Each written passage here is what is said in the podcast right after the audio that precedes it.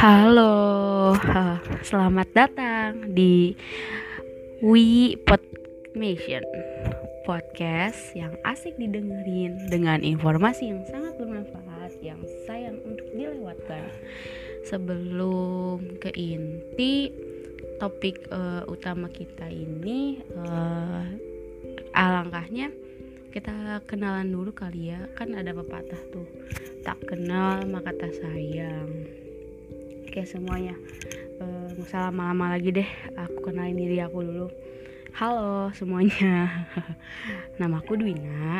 Salam kenal semuanya. Sekarang di hari Jumat Tanggal 18 bulan Juni Pukul setengah dua siang Sekitar setengah dua siang waktu Indonesia bagian Barat Di kota Cirebon yang sangat cukup panas dan terik banget. Kayaknya sih kalau panas-panas gini nih emang enaknya tuh minum es teh kali ya yang cukup seger terus juga uh, apa melepas dahaga kayak aduh plong banget deh. Uh, terus tuh uh, sebelumnya aku mau cerita nih karena ini podcastnya berisi, berisi tentang kisah-kisah uh, inspiratif uh, yang mungkin buat pendengar-pendengar sekalian ini nih uh, aku keluarin podcast gini nih kalian langsung terinspirasi mungkin lah ya. Atau enggak kayak terketuk hati ya kayak buat oh iya ya mending langsung aja nih niru nih contoh gini nih gitu. Uh, apa terus juga namanya uh, tapi saya sangat disayangkan karena situasi. Harusnya uh, pada topik kali ini tentang bagaimana sih cara uh, pem seorang pemimpin bisnis itu mengatur bisnisnya di situasi pandemi saat ini. Tapi karena uh, sekarang kan corona semakin meningkat ya. Jadi uh, kebanyak apa kebanyakannya tuh uh, jadi kayak harus jaga jarak banget kan. Apalagi uh, di sini udah zona merah di sekitar Kabupaten Cirebon. Cuman belum nyampe ke kota. Cuman kan hendak baiknya kan kita sedia payung sebelum hujan kan. Jadi alangkah baiknya kita jaga jarak dan karena sangat disayangkan dengan situasi pandemi ini jadi aku melakukan wawancara dengan salah satu sahabatku ini melalui WhatsApp melalui via WhatsApp yang di mana kami tuh kayak aku mengirimkan beberapa pertanyaan sih sebenarnya uh, oke okay. tanpa basa-basi lagi uh, uh, pasti kalian tuh udah mikirin kan topiknya tentang bagaimana seorang pemimpin bisnis menghadapi situasi di masa pandemi ini nah uh, pasti yang teman-teman mikir tuh uh, apa sih yang tentang bisnis tuh? Ya pasti teman-teman tuh mikir kalau bisnis tuh kayak kita menjualin barang atau enggak berinvestasi atau gimana itu juga bisa disebut bisnis yang di mana tuh pasti menghasilkan profit. Terus tuh yang secara pendeknya kita menghasilkan uang dan di dicap sama teman-teman sekitar kita bahwa wah keren ya di umur segini di umur yang usia belia pasti udah e, menciptakan bisnis yang sangat e, apa sangat strategis dan juga bisa melihat peluangnya gitu. Dan dia berani nekat gitu. Nah terus tuh e, apa namanya tidak hanya bisnis itu tuh menghasilkan uang tetapi juga sebenarnya di balik kata bisnis itu tuh banyak sekali macam-macamnya. Salah satunya ini kayak gaya kepemimpinan seorang pemilik bisnis dalam menghadapi segala hal yang sekali lagi aku bilang ini topiknya sangat harus didengar dan sayang untuk dilewatkan. Terus juga uh, apa menghadapi menghadapi segala hal yang dimulai pasang surutnya dalam melakukan penjualan suatu barang terus juga bagaimana bisa menghasilkan laba bersih yang menjanjikan. Karena itu uh, aku kepikiran untuk uh, mewawancarai salah satu sahabatku ini yang aku kenal sejak SMP tetapi aku mulai mengakrabkan mulai akrab sama dia mulai dekat. Itu dari uh, eh, SMA kita tuh dipertemukan dalam sebuah organisasi intrasekolah yang lucunya tuh sampai sekarang masih cukup dekat dan saling kontek-kontekan gitu deh. Oke okay. uh, eh, dia itu tuh awalnya gini. Dia itu tuh pertama kali membuka bisnis. Itunya tuh emang sejak dari lulus SMA sih. Dia kan uh, dengan intinya coba-cobalah dia tuh awalnya membuka bisnis dengan menjual. Pertama tuh dia menjual makanan dulu. Ya dia tuh pertama kali tuh menjual makanan dulu. Nah, makanan yang sedang hits dan ngetrend saat itu tuh dia tuh menjual kayak basreng, terus keripik makaroni yang itu tuh emang sangat apa hits banget gitu semenjak lulus SMA dan di masa itu tuh uh, dia tuh mulai pas uh, lulus SMA itu. Nah, setelah itu kan pandemi nih. Nah, pandemi ini nih dia itu tuh akhirnya dia masih mempertahankan tuh tapi dia menambah makanannya selain kayak makaroni kripca atau biasa disebut keripik kaca yang ya itu micinnya emang emang enak banget sih itu kalau dimakan lagi kalau diminumin sama eh, sama minuman yang dingin yang manis itu kayak wow gitu. Kayak udahlah enak banget ini buat santai gitu. Nah terus tuh dia kepikiran membuat cireng. Itu di, di pertengahan pandemi itu dia memikirkan membuat cireng cireng yang isi ayam ayam suwir balado pedes gitu yang yang aku pernah beli waktu itu dia itu satu pieces package. Satu apa satu pak itunya tuh sekitar 15.000 itu isi uh, isi 5 atau 6 gitu kalau nggak salah. Nah itu emang enak gitu enak. Nah tetapi uh, apa namanya lambat laut nih uh, pandemi kan semakin menyusut tuh. Kan kayak kita mulai new normal terus kita udah mulai apa namanya uh, melakukan bisa berpergian yang dulu sama sekali nggak bisa berpergian ke mana-mana. Nah akhirnya tuh uh, dia perlahan sibuk kan karena sudah mulai masuk kuliah juga kan. Akhirnya dia memutuskan untuk menjual wall decor. Wall decor terus kayak baju-baju uh, baju-baju yang baju-baju yang kekinian hits pada zaman itu tuh kalau nggak salah kayak baju-baju apa ya baju-baju Korea gitulah. Nah udah gitu tuh itu tapi itu pas saat itu dia berbisnisnya dengan sepupunya. Nah itu dia jual wall decor yang uh, aku pernah dikasih sih sama dia wall decor itu sangat bagus dan bahannya juga ya bagus aja kayak wall decor mahal. Dan dia tuh nargetin buat beli wall decornya itu tuh sekitar uh, eh, 15 ribu dengan ukuran eh, 14 kali. Berapa senti ya? 9 senti kalau nggak salah ya. Itu yang itu. Nah uh, setelah itu uh, karena dia kan orang anaknya tuh kayak mengikuti zaman kan. Terus tiba-tiba dia uh, kayak berhenti di tengah jalan gitulah. Kayak melakukan yang namanya bisnis kan ada pasang surutnya kan pasti. Nah akhirnya dia surut kan itu. Maksudnya nggak nggak memulai mempromosikan lagi terus juga nggak nggak nggak pokoknya yang aku tahu tuh dia itu nggak apa nggak mempromosikan barang-barangnya itu di sosial media dan Instagram yang dia punya gitu.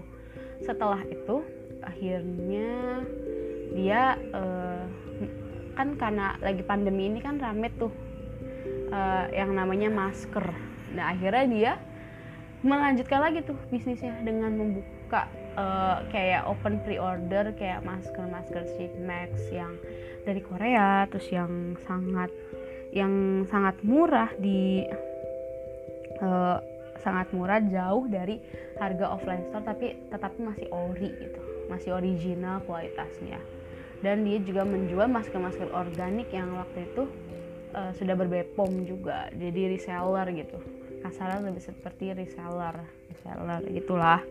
Nah akhirnya tuh dia itu tuh apa namanya uh, menjual dengan tanpa putus asa. Dia uh, dengan semangat lagi dia uh, kayak uh, dia kan pernah bilang kalau berbisnis tuh nggak boleh yang namanya uh, berhenti di tengah jalan dan harus uh, apa maju lagi gitu. Uh, harus uh, bisa membaca peminatnya dan juga apa namanya uh, harus bisa uh, membaca situasi dan peminat. Ini kira-kira nih yang sedang trendy apa terus juga cara dia mempromosikannya. Karena dia emang waktu itu kan baru masih uh, berkecimpung di dunia bisnis ini yang yang sudah udah ketebak lah kalau pesaingnya tuh banyak gitu. Apalagi uh, di masa pandemi ini kan kayak banyak uh, orang-orang di PHK terus juga banyak juga yang memulai small business dengan iseng-iseng lah jadi reseller suatu barang brand ternama yang sudah dipercayai produknya oleh konsumen-konsumen di luar sana. Ya selagi kita ada niat dan modal uangnya itu ya why not? Kenapa nggak coba aja gitu buat jadi apa namanya buat mencoba suatu hal baru yang keluar dari zona nyaman gitu. Oke balik ke teman aku lagi yang di mana dia tuh udah udah tuh mempromosikan. Dia berbisnis itu tuh kurang berbisnis yang makanan. Eh setelah berbisnis makanan dia tuh berjualan masker masker dia ganti jualan lagi itu dengan putar balik dengan masker. Yang masker masker kecantikan yang di mana dia tuh jual uh, masker sheet mask dan organik. Tidak hanya itu kan karena waktu itu kan sudah sudah new normal ya. Akhirnya dia membuka PO masker kain yang itu yang itu cukup murah dan bisa di dis, apa bisa dicuci cuci dan karena zaman ke waktu itu kan sudah lagi ngetren-ngetrennya tuh pakai masker kain yang harus di, harus tiga lapis itu sa, uh, sama kekuatannya dengan medis. Jadi dia kan uh, dengan mengikuti, mengikuti tren tersebut dia itu akhirnya membuka PO juga tuh yang di bagian masker kain. Nah dia sama dia itu ngulak juga eh, as, apa ya dalam itu dalam bahasa Cirebon itu ngulak ya. Nantinya tuh dia jadi kayak mencari uh, jadi resellernya juga suatu konveksi itu di daerah mana ya dia pernah bilang tuh. Kalau nggak salah itu tuh di Kabupaten Cirebon nggak tahu itu sebelah mananya. Yang jelas dia pernah bilang gitu.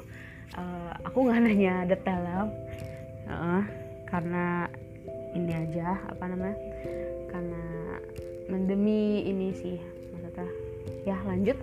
Uh, udah gitu tuh akhirnya dia itu uh, kayak ngedrop jadi dropship ada jadi kayak reseller gitu. Kayak dia akhirnya uh, meminta sahabat-sahabatnya termasuk diri saya juga buat mempromosikan jualannya lagi lewat uh, snap WA dan juga snapgram itu sendiri.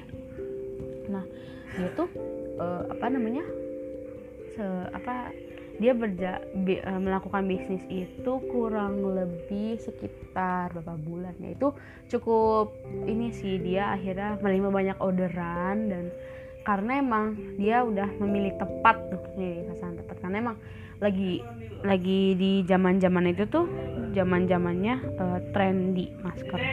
Masker masker yang apa namanya? Masker kecantikan dan masker non medis gitu. Zaman itu kan sudah ngetren kan masker kesehatan dan non medis gitu. Nah terus tuh akhirnya dia uh, dengan semangat terus alhamdulillah dia cerita gitu tuh dengan sangat sumringah banget dengan dia tuh sampai menerima orderan sampai 50 pieces per seminggu per dua hari. Dan itu kayak kebayang kayak wow itu profitnya tuh masih lumayan dia pun kecil tapi itu udah signifikan yang dari hanya satu dua orderan saja yang dia jualan-jualin dulu. Tapi dia dengan tidak tidak menyerahnya itu akhirnya dia itu uh, namanya berusaha sedemikian sekuat dengan dia berpromosi itu sana sini menawarkan produk-produknya ke teman-teman dekatnya terus teman-teman kuliahnya terus juga ke saudara-saudaranya untuk nih ah, ini loh aku jual ini gitu. Karena kan dia waktu itu masih bermit, bermitra dengan sepupunya masih kayak bermitra gitu istilahnya bermitra dengan masih kuat dalam keluarganya sendiri itu belum belum sama orang lain gitu. Nah kayak sekitar berapa bulan gitu akhirnya lama kelamaan kan itu tuh udah mulai surut-surut gitu kan maksudnya. Tapi dia uh, masih kayak tetap kekeh gitu buat mempertahankan uh, bisnisnya itu uh, bisnis yang masker itu. Karena terus dia juga uh, saat berjual masker kain sama uh, yang kecantikan itu dia punya tagline kayak health uh, beauty inside beauty inside uh, safe outside. Jadi uh, dia diambil dari suatu uh, tagline suatu brand. Ya pasti kalian tahu lah itu tagline apa. Nah dia tuh bilang gitu. Karena uh, menurutnya dia memikirkan gini beauty inside berarti dia cantik di dalam maksudnya itu dia melakukan perawatan dengan masker kecantikan yang dia jual yang sudah pasti brand-brand Korea itu ya pasti ya udah terkenal lah gitu di kalangan cewek-cewek maupun cowok yang ngerti skincare gitu ini dalam kutip cowok yang ngerti skincare ya. Nah itu tuh pasti udah terpercaya gitulah kayak merek-merek uh, yang Korea-Korea gitulah gitu. Dan masker organik gitu. Dengan ya kayak sambil uh, sambil kuarantin kita jangan lupa memperhatikan kecantikan gitu dengan pakai masker gitu. Dia sambil dia promosi gitulah sampai ber, ber dia SG kayak ini jangan dia di snapgram gitulah kayak ini bagus banget loh aku udah pakai ini. Emang dia memakainya rutin dan emang aku pernah nyoba sih masker dia cukup kebilang bagus gitu. Maksudnya emang emang brandnya brand itu gitu. Dan udah orang udah pasti approve lah sama suatu brand yang udah apalagi brand Korea gitu brand impor Korea yang apalagi kan sekarang K-pop terus Korea tuh lagi sedang dilirik oleh generasi Gen Z zaman sekarang tuh. Salah satunya saya juga sih sebenarnya salah satu fans. Oke balik lagi ke topik. Uh, terus akhirnya dia itu tuh terus mengeluarkan beauty inside safe outside. Safe outside itu yang di mana dia itu tuh uh, apa namanya uh, kan dia berjual masker kain yang tiga lapis itu. Aku aku beli itu masker yang kainnya itu karena emang support yang small business juga terus support temen juga lah gitu. Maksudnya biar dia tuh semakin semangat buat berjualannya berbisnisnya uh, gitu. Pernah mencoba loh uh, produk dia itu yang masker kain dan emang kan kebanyakan kalau pakai masker kain kan sesek kan dibanding pakai yang medis gitu. Kalau pakai medis kan udah ada kita tuh bisa masih bisa bernafas gitu dengan pakai masker gitu. Nah kalau yang me, yang kain gitu kan rata-rata kayak bikin sesek. Apalagi aku kan pakai kacamata kan jadi suka kadang suka berembun gitu.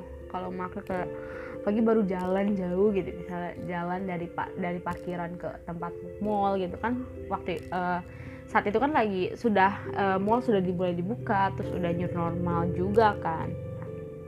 Jadi kayak aduh sesak banget deh gitu. Nah aku pas beli masker di dia itu satu itu aku beli sekitar 15 ribu.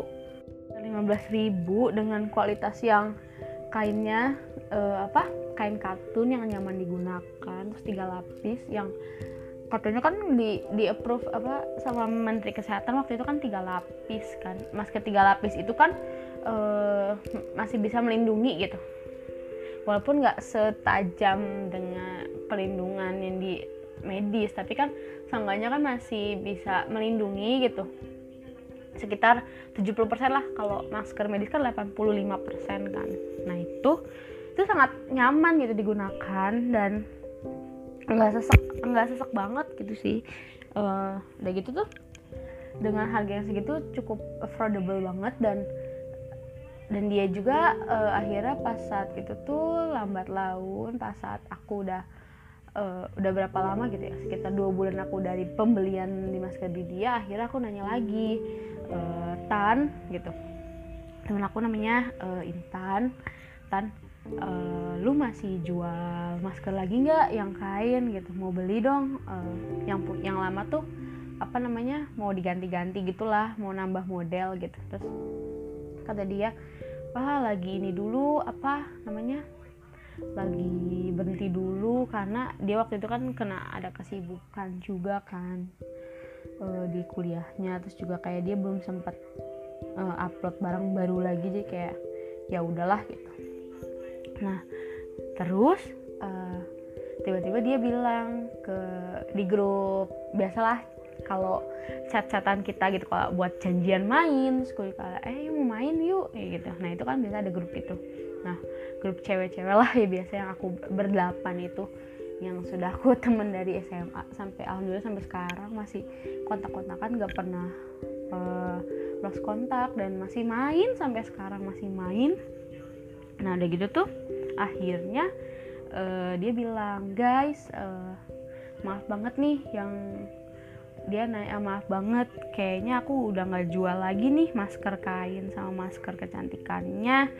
Soalnya aku e, masih sibuk nih di di kuliahannya terus juga banyak tugas belum bisa sempat ngebagi bagi waktunya. Nah terus tuh akhirnya dia e, bilang kayak udah nggak jualan lagi gitu dengan sangat sedih di kayak ya udahlah gitu. Terus e, kami semua kayak ya udah nggak apa-apa gitu. Kan e, kuliah kan lebih penting gitu istilahnya. Kalau kalau kalau lu buka bisnis juga itu kan kayak sampingan doang kan nggak nggak harus yang gimana gimana gitu. Jadi kayak ya udah gitu. Jalanin aja gitu. Nah terus tuh akhirnya di bulan apa ya? Dia mulai. Dia tiba-tiba uh, membuka. Dia awalnya nanya dulu ke grup itu kayak eh ada yang tahu nggak tempat ngulak? Ngulak tuh dalam artian tempat nyari barang gitu. Nah terus dia abis ngomong kayak gitu tuh aku langsung bilang aku ada nih temen aku temen kuliahku dia uh, sama kakaknya sih buka usaha thrift gitu. Dia awalnya dia emang ada yang tahu nggak tempat nyari nyari baju baju uh, bekas gitu kayak buat thrift jualan thrift gitu di mana? Terus tuh akhirnya aku bilang kan uh, temen aku nih sama kakaknya ada coba aja. Dia juga lagi buka paket usaha gitu kan dengan membeli berapa pieces ya 10 pieces itu harganya eh, uh, 750 kalau nggak salah. Kalau nggak salah maaf kalau misalnya salah. Sekitar segituan. Nah terus tuh akhirnya oke okay, makasih gitu. Terus akhirnya tiba-tiba dia uh, dengan semangat ya dia bilang uh, guys follow Instagram jualan aku dong yang baru. Aku lagi mau nyoba jualan thrift baju nih. Uh, apa? Thrift baju nih yang yang gitu. Nah terus tuh aku follow kan itu aku lihat di profilnya dia emang uh, tampilannya cukup menarik sih terus cukup menarik dengan tampilan fits fits yang sangat uh, apa namanya sangat bagus rapih gitu. Terus juga dibuat orang orang tuh kayak tampilan sangat eye catching gitulah gitu. Terus tuh akhirnya oh ya nama instagramnya obligatif. Eh ya obligatif gitu deh nah terus tuh akhirnya ah terus uh, aku follow terus aku promosikan instagramnya. Terus tuh akhirnya uh, kan aku lagi ada tugas buat podcast kan aku penasaran banget nih. Uh, akhirnya aku tanya tuh ke dia alasan lu buka thrift tuh apa sih? gitu. Terus tuh dia bilang karena aku kan suka fashion kan suka mix and, match OTD gitu kalau ke mana-mana. Dan emang iya sih emang dia kalau buat pemilihan baju OTD gitu emang bagus gitu emang dia suka dandan gitu kan kalau itu nah terus tuh akhirnya uh, tercetuslah ide buat uh, itu sebelumnya aku yang ngomong panjang tadi tuh emang kisah awal dia memulai berbisnis sampai ke thrift sampai sekarang masih berjalan gitu. Uh, uh, 2021 sekitar bulan Maret apa April gitu. Ya masih baru lah. Berarti ke sini udah ke udah ke tiga bulan empat bulanan lah. Nah, dia mulai sekitar Maret eh Januari kalau nggak iya Januari Januari dia mulai mulai berbuka. Jadi berarti sekitar uh, udah lima bulanan lah gitu berjalan. Uh, dia dengan semangat yang nggak uh, pernah menyerah gitu. Akhirnya uh, dia bersama temannya itu tuh uh, modal gitu. Dengan modal dia bilang awal aku jualan itu tuh dia mengeluarkan modal sekitar 600 ribu dengan 600 ribu itu uh, aku kan nanya uh, lu dapat barang dari mana? gitu. Dengan 600 ribu itu tuh dia itu akhirnya cari di kota di di mana? Cari sendiri. Dia nggak make temen aku sih yang waktu aku tawarin itu akhirnya. Ternyata dia lebih lebih murah lagi gitu loh. Soalnya dia tuh bisa dapat baju bekas yang masih branded barang branded tapi cacat produksi gitu loh. Jadi kayak uh, apa jahitannya kurang rapi atau maksudnya masih sedikit ke, apa kurang rapih gitulah maksudnya. Cacat produksi tapi masih bagus gitu. Nah dia uh, apa akhirnya menemukan itu 12 potong itu sekitar 50 ribu lah satu piecesnya jadi, jadi jauh lebih murah gitu dibanding yang aku tunjukin temen aku itu. Nah terus tuh dia itu uh, karena emang kualitasnya tuh emang cara produksi yang di butik itu kan dia yang menjual kayak brand H&M terus Stradivarius terus uh, dia pernah nemu tuh uh, Pull and Bear terus juga pernah nemu juga uh, Nike gitu. Terus uh, tapi dia kebanyakannya brand-brand luar gitu kayak yang apa maksudnya yang jarang ada di store di Indo gitu kebanyakannya dan itu tuh uh, dia uh, emang orangnya kan pemilih banget kan. Apalagi dia dia bilang gini uh, aku kan jual baju bekas kan. Nah kalau baju bekas ini nih uh, harus apa ya yang kira-kira tuh nyaman dan masih layak dipakai gitu dan gak ada cacat noda atau gimana. Paling yang ada nodanya itu kayak bisa buat dicuci. Jadi kayak biar bersih lagi nggak noda permanen gitu kan. Karena emang yang namanya juga baju thrift kan. Kalau baju thrift kan emang apa namanya uh, noda noda noda bekas kayak lipatan-lipatan tuk-tukan itu kan ada. Terus juga yang namanya juga cacat produksi. Nah cacat produksi itu kan uh, apa namanya jadinya uh, nggak lolos dari pabrik kan dan nggak nggak di store gitu kan. Harganya jangan harganya juga beda banget kan jauh lebih murah. Sok siap bayangin aja kamu dapat brand ternama uh, katakanlah uh, H&M gitu. Nah da, kamu di store aja misal kemeja gitu dapat kemeja yang lucu gitu dia di store bisa dapat 350 ribu 250 ribu gitu. Nah tapi di dia yang jualan itu dia bisa menjualnya dengan di bawah 100 ribu dan itu dia menjual sekitar 80 ribu 75 ribu tergantung kerusakan dan tergantung juga bahannya gitu. Tebel kalau kalau crew neck dia jual 90 ribu 80 ribu 85 nah kalau dia jual kayak blus kemeja gitu dia paling jual 80 ribu gitu. Emang rata-rata di atas 50 ribu semua sih dibanding dari itu. Nah terus tuh akhirnya uh, aku kan udah nanya tuh ya dia dapat dari mana terus juga uh, apa dia itu melakukan promosinya sama sih seperti yang dia lakuin uh, karena itu dia tuh melakukannya dengan dengan promosi di Instagram terus di WhatsApp pribadinya dia terus juga uh, akun bisnis akun WhatsApp akun bisnisnya terus juga apa dia uh, kayak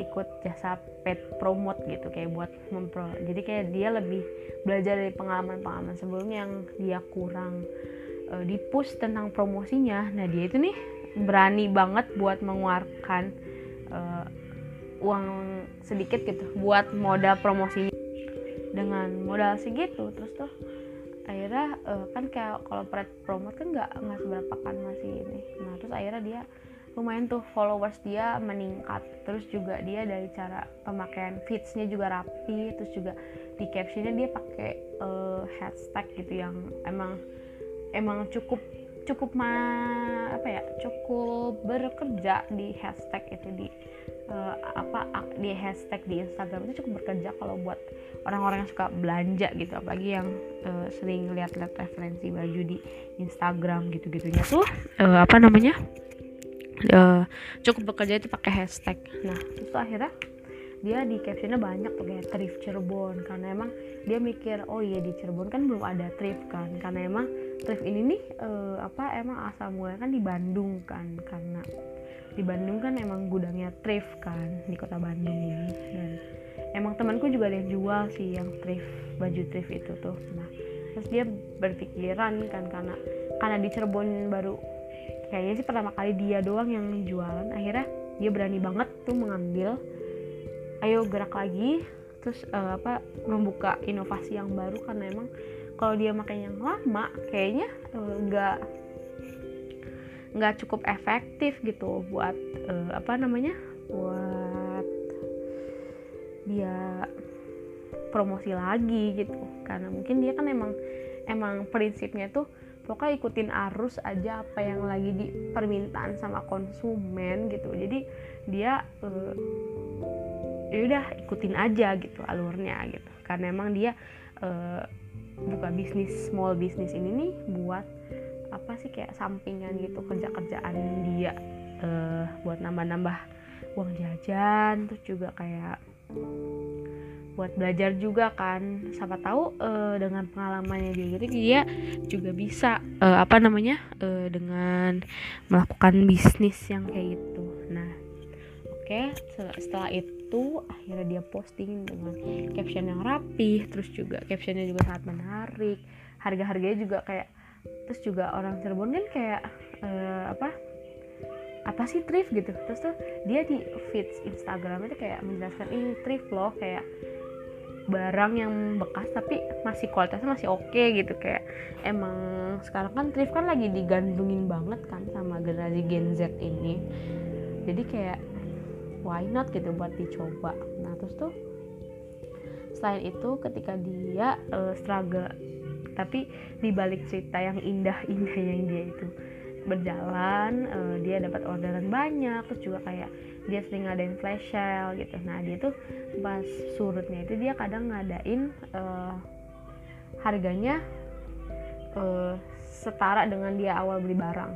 Jadi dia menerapkan itu supaya uh, apa namanya harga itu jadi dia prinsipnya yang penting laku dulu. Uh, laku masalah untung gitu ya nanti belakangan gitu. Jadi kalau misalnya dia lagi surut lagi sepi peminat gitu dia pasti melakukan flash sale besar-besaran gitu. Dia dengan taktik kayak uh, apa namanya? Uh, dengan taktik uh, melakukan promosi kayak di di snapgram dia bilang ini loh lagi ada promosi besar-besaran uh, kualitasnya masih bagus-bagus banget. Ini sayang banget nih dilewatin. Nah akhirnya dia uh, dengan dengan taktik gitu dia akhirnya wow dia menerima orderan cukup banyak itu saat itu. Uh, apa namanya? Terus akhirnya dia itu uh, selain meminimalisir dengan harga promosi gitu dia terus dia juga kayak ngasih saran minta saran lah ke teman-teman deketnya. Terus kayak ini gimana sih biar caranya ini? Terus tuh kayak selain diskon terus kayak dia itu apa nambah baju lagi apa nambah jual jual apa gitu. Nah akhirnya dia itu jual kayak topi beanie hat gitulah yang lagi emang musim cukup musim juga cukup digandrungin juga tuh sampai sekarang. Terus juga menambah item jualnya itulah. Nah terus tuh uh, gaya yang kepemimpinan yang dia buat itu tuh apa namanya gayanya tuh pasti dia tuh yang penting uh, kualitas yang barang dia jual tuh kualitas nomor satu. Karena emang dia juga emang kan merasakan sebagai konsumen juga pasti dia dia dia bilang lagi nih pasti kan kalau sebagai pemilik bisnis awalnya awal kan dari dia membeli suatu barang kan barang ke uh, online shop online. Dia membeli suatu barang kan di online shop online shop gitu. Terus akhirnya yang pasti dia tuh mementingkan uh, namanya pe kualitas tuh nomor satu gitu. Jadi dia biarpun nemu harga yang murah tapi kalau kualitasnya jelek gitu buat buat di bajunya kata dia tuh ya udah mending mending gak usah jualan lagi gitu. Karena buat apa kita jualan barang thrift? Udah mana thrift kan ngebawa namanya kan bekas kan. Ya, kasarnya kan istilah bekas barang bekas gitu. Tapi kalau kualitas jelek ya sama aja bohong gitu. Itu sama aja kita nipu gitu. Karena emang dia kan mengutamakan tuh kualitas pelanggannya itu sendiri. Nah akhirnya dia itu tuh uh, apa namanya selalu memperhatikan kualitas nomor satu. Terus juga di, dilihat dari kisah bisnisnya yang aku udah jabarkan tadi gitu. Dia bilang apa namanya uh, selain kualitas dia juga ikutin tren dan permintaan pasar gitu. Apa sih yang kurang gitu? Apa sih yang lagi digandrungin sampai sekarang? Nah dia punya tips gitu. Kalau misalnya uh, apa kalau yang lagi ngetrend atau lagi tren itu dia selalu inspirasi dari TikTok dan Instagram. Karena kalau Instagram itu sendiri dia terinspirasi dari influencer-influencer yang ya terkenal di luar sana gitu. Yang sering endorsement yang yang endorsementnya yang gila uh, sekali take snapgram aja dia kan ber, berpuluh juta gitu. Nah yang setahu aku yang insta apa selebgram influencer yang terkenal itu nah dia itu uh, apa namanya? Se sekali ngomong 15 detik itu dia udah ber, berjuta gitu ngomong kayak wow gila itu ngasihin duit. Gampang banget gitu. Tapi dengan syarat kalian tuh bisa meracuni orang gitu. Nah itu. Nah dia belajar dari situ dan emang kayaknya wah lagi digandrungin karena uh, dia baru buka bisnis baru nah itu tantangannya sendiri. Bagaimana dia cara menyajikan si produknya itu. Intinya sih uh, dosen model bisnis aku pernah bilang intinya kalau kalian mempunyai mau mempunyai bisnis yang stable gitu. Kalau ini dosen aku ya aku pernah bilang. Dosen aku yang pernah bilang kalau mau yang stable terus juga enggak pasang surut gitu intinya sih kalian tuh harus berkaca kepada uh, Korea industri Korea Kenapa demikian? Karena ya kalian bisa lihatlah di industri Korea itu selain karena uh, K-popnya itu yang uh, aku tahu tuh emang kreatifnya gila luar biasa kreatif dan dia itu di agensi-agensi Korea itu tuh emang kreatifnya tuh bener-bener kreatif di luar nalar gitu karena emang bikin orang tuh kayak wow gila amazed banget amazed sampai teramaze amaze nya tuh amaze gitu.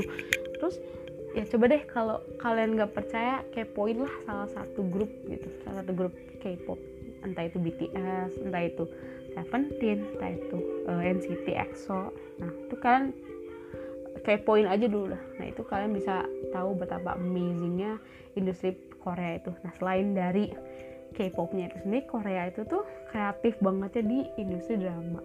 Ya kalian bisa lihat lah apalagi yang pecinta drama itu tuh apa namanya kalian uh, kalian bisa lihat lah pecinta drama itu pasti setiap drama baru diluncurkan itu pasti ceritanya unik-unik dan disajikannya tuh dengan apa namanya dengan sangat memuaskan gitu dengan ceritanya juga cerita yang ada drama ringan drama berat gitu.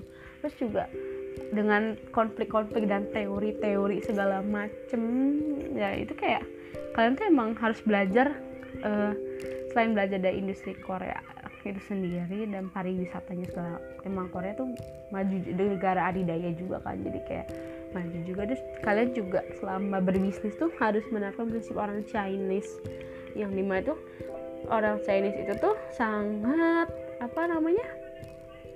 Sangat tekun gitu. Sangat tekun tuh sangat apa namanya? Sangat teliti tekun dan uh, apa namanya? Dia tuh nggak gampang nyerah gitu biarpun dengan segitu makanya kalian bisa lihat kan pemilik-pemilik toko gitu kan rata-rata emang orang Chinese karena emang kalau orang Chinese pokoknya dua. Kalau nggak difokusin dalam pendidikan orang Chinese itu tuh difokuskan dalam uh, berbisnis gitu. Itu yang pernah uh, apa guru guru matematika aku pernah bilang lagu lagi SMA wah kalian tuh harus niruin Chinese gitu. Kalau misalnya kalian itu prinsipnya orang Chinese kalau ingin berbisnis ataupun ingin ingin menjadi yang terdepan gitu kalian harus mengikuti prinsip Chinese yang pokoknya kalian tuh harus fokus sama satu hal gitu. Nah selain kreatif dan segala dan perintilannya itu nah kalian tuh harus memperhatikan juga gitu. Kayak memfokuskan satu titik yang di mana itu dengan titik kalian fokus itu tuh kalian tuh he, namanya tuh udah bisa berusaha gitu. Dan apa namanya kalian juga udah uh, mampu gitu mampu banget buat itu karena percayalah saya nanti kalau misal kalian mengikuti prinsip Chinese itu kalian tuh pasti bakal menemukan namanya jalan ke sukses kesuksesan. Nah itu. Nah dia tuh teman aku tuh pernah bilang gitu juga pernah temen aku ini si Intan ini pernah bilang juga kayak e, pokoknya tuh kalian tuh jangan mudah menyerah gitu dengan apa yang kalian hadapi hadapi aja gitu. Jangan jangan apa namanya jangan gampang menyerah dan kalian tuh pokoknya eh, namanya tuh harus fokus satu titik terus jangan mudah goyah jangan ah kalau nggak laku ya udahlah gitu jangan. Kalian belum memulai tapi udah nyerah dulu gitu kayak ya udah lu cita-cita visi misi kayak raya tapi kayak kok kayak raya tapi hobi lu foya-foya tapi lu masih jalan di tempat gitu kayak nggak berguna banget sih gitu. Kayak ayo dong gitu harus coba gitu. Nah karena dia emang uh, pengalamannya jauh lebih berpengalaman sih dibanding bisnis dibanding diri saya sendiri. Nah karena emang kalau cerita aku cerita sedikit ya tentang bisnis aku ini. Aku tuh waktu itu pernah buka bisnis uh, casing case HP deko deko case deko nah itu tuh di mana uh, case Tumblr Deco. Nah itu aku inget banget. Aku tuh kayak masa sih seorang mahasiswa administrasi bisnis gak pernah nyoba bisnis gitu? Aku tuh pernah berpikiran kayak gitu. Jadi kayak ya udah gitu terus aku kan karena emang hobinya tuh hobinya tuh scroll Twitter kan scroll scroll tiba-tiba muncul tuh di timeline. Ada yang bilang open reseller buat uh, case deco gitu. Dengan bisa custom dengan apa. Terus tanpa dipungut biaya reseller dengan modal cuman modal di sosmed doang kalian promosiin. Dan akhirnya aku tuh DM dia dan halo kak ini bener nggak? Gitu. Terus dia bilang oh iya kak bener kok. Kayak gitu. Terus uh, aku juga emang udah lihat sebelumnya sebelum ngechat dia itu. Hmm. sebelum aku ngechat dia di DM via direct message itu aku sebelumnya kan pernah sebelumnya kan lihat-lihat dulu kan kayak dia ngasih testimoni. Ya berarti kan otomatis 100% trusted kan itu. Nah akhirnya aku mulai tuh bikin belajar. Karena aku emang waktu itu semester 3 dan semester eh semester 3 atau semester oh semester 2 karena aku semester 2 dan aku udah udah dikasih tuh ilmu-ilmu yang sedikit juga. Dengar-dengar dari pengalaman teman-teman sendiri teman sendiri apalagi yang aku ceritain ini aku mencoba lah kayak belajar ngedit biarpun gak rapih-rapih banget tapi seenggaknya tuh masih nyaman dilihat gitu.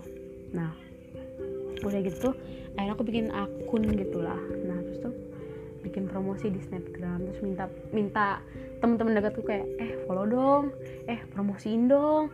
Terus juga eh lu kalau nyari case apa apa yang lucu-lucu bisa lo bisa custom juga. Mau yang Korea mau yang stiker-stiker lucu Tumblr gitu juga bisa gitu.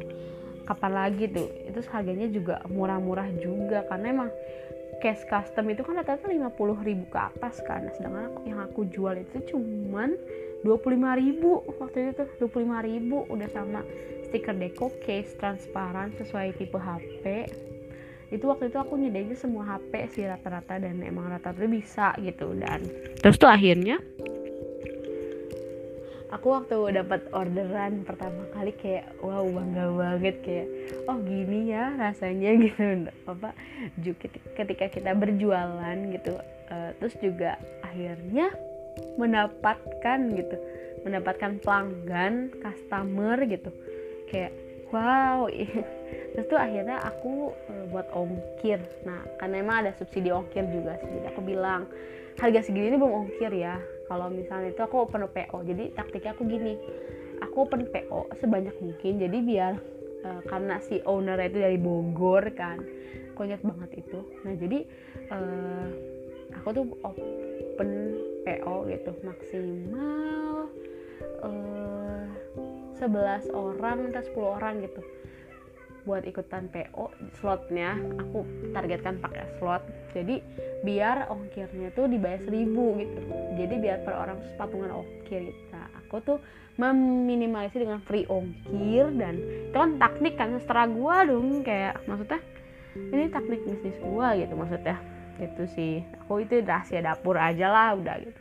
Jadi aku nerapin gitu dan ongkir gitu di ongkir gitu. Nah akhirnya aku tuh dapet tuh sekitar 15 orang 15 15 slot. Akhirnya aku dapet 15 slot. Itu pertama kali aku jual kayak wow gila keren banget. Terus juga karena terus sistem promosinya juga aku nerapin kayak uh, buat apa namanya buat yakinin wah aku juga pakai tuh. Nah aku beli. Nah uh, akhirnya aku tuh uh, kan harga harga jualnya kan 25.000 nah aku subsidiin jadi 27.000 itu nah jadi itu itu aku untungnya sekitar kan dari dianya aja udah 20 ribu. Berarti subsidi ongkir 1000 berarti kurang lebih ya e, eh, 5000 aku dapat 5000 per casing terus karena aku open sekitar 15 15 slot. Itu sendiri ya 16 slot sama diriku sendiri. Akhirnya aku dapat keuntungan 60.000 itu gila aku seneng banget kayak wow gila keren banget sih gitu. Terus tuh akhirnya aku menerapkan COD gitulah gitu. Terus kayak dia akhirnya beli beli gitu gitu. Terus akhirnya aku masih promosi tuh senang banget promosi. Nah terus akhirnya tiba-tiba si owner. Tuh bilang maaf kak aku udah nggak buka lagi. Kayak ya langsung sedih banget. Kayak aku tuh udah udah udah bisa membuka small business kecil-kecilan gitulah buat buat apa belajar bisnis lah gitu. Ya jadi ya udah deh. Itu sampai sekarang aku uh, belum buka lagi sih. Soalnya emang kesibukan aku di organisasi itu juga aku sekarang udah semester 4 menginjak 5 jadi kayak tugas makin banyak gitu. Terus juga uh, jadi kayak ya udahlah gitu nanti lagi gitu. Maksudnya kalau ada waktu luang aku manfaatkan liburan buat berbuka bisnis gitu deh. Haha. Itu sepenggal cerita aku di dalam bisnis. Karena masa aku udah wawancara temen aku masa aku nggak punya pengalaman sih? Ada dong pasti ada. Tenang aja gitu. Nah terus paling uh, kalau kalian gini ya. Ini aku bukannya nas bukan kayak ngajarin ya jadi aku kayak kayak ngasih aja kayak motivasi aja gini kayak uh, ketika kita tertarik akan suatu hal dan ingin mencobanya terus jangan pernah takut untuk mencoba. Dan ayo coba keluar dari zona nyaman kamu. Percayalah dengan modal nekat dan tekad yang kuat pasti suatu hal yang uh, wow bakal terjadi dan bakal impact juga ke kamu gitu. Dan jangan mudah berhenti di tempat dan apa pun itu semangat. Oke uh, saya Dwina. Have a nice day. See you and happy weekend